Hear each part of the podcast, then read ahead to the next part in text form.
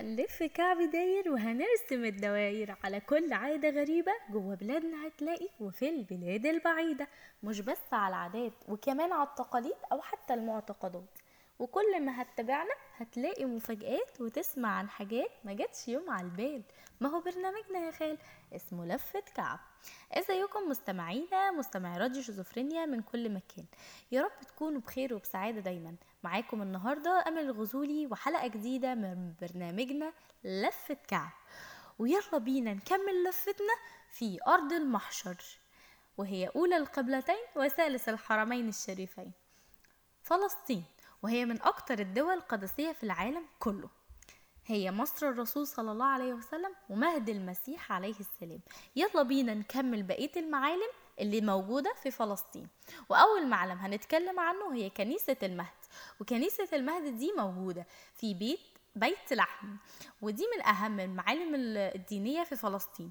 اتولد فيها سيدنا عيسى عليه السلام وهي تعتبر من أك من أكتر الأماكن قدسية للمسيحيين.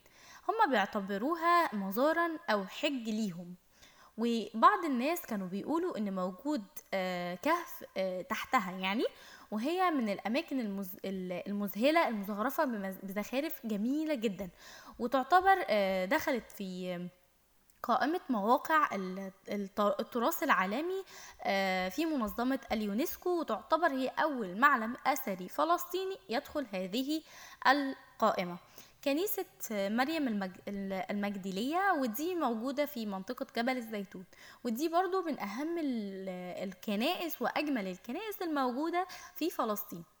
كنيسة مريم دي شيدت في أواخر القرن التاسع عشر ودي موجودة آه، يوجد حولها بعض أشجار الزيتون الجميلة. ودي تتميز بالقبة العالية الجميلة التي آه، تشبه قطعة الذهب. مسجد الجزار ومسجد الجزار ده موجود في شمال فلسطين وده من أهم المساجد الموجودة في المنطقة. وحجمه كبير جدا وجميل جدا تصميمه المعماري. كمان الحوائط بتاعته مزينة بآيات من القرآن الكريم. كمان القبة بتاعته تعتبر آه، قبة جميلة جدا ولونها أخضر ودي اللي بتميزها يعني.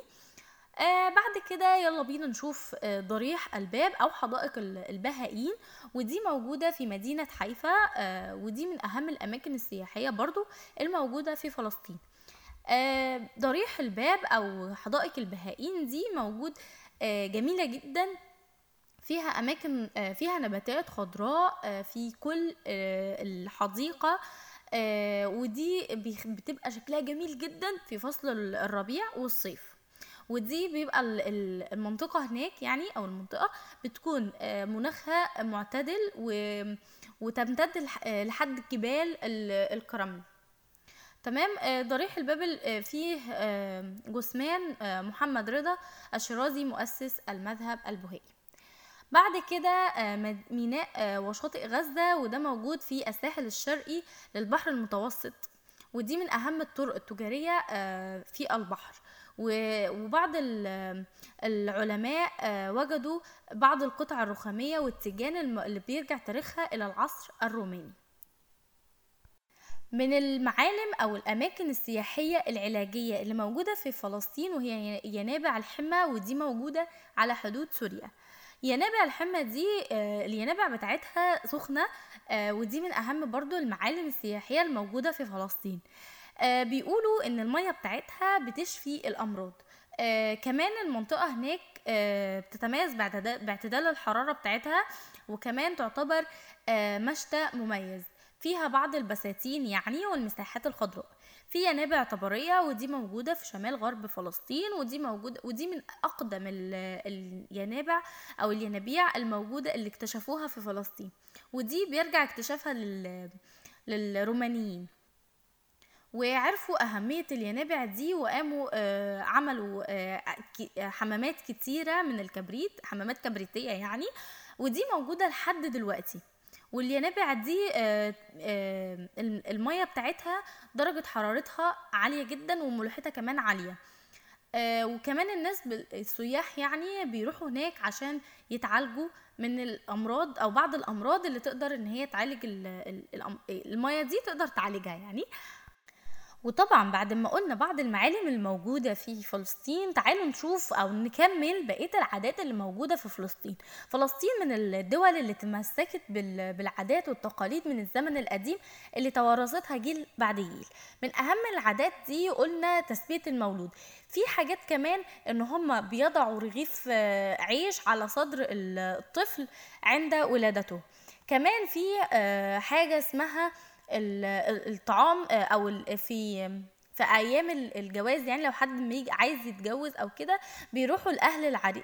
أهل العريس بيروحوا لأهل العروسة وبيأخذوا آه، حاجة تسمى الجاهة. الجاهة دي مجموعة من الرجال وبيكون فيهم واحد كبير اسمه شيخ العشيرة ويطلبوا يد ال- الفتاة يعني أو العروسة وبيقدموا آه، حاجة اسمها البلصة. البلصة دي آه، مبلغ من المال بيدفعه العريس.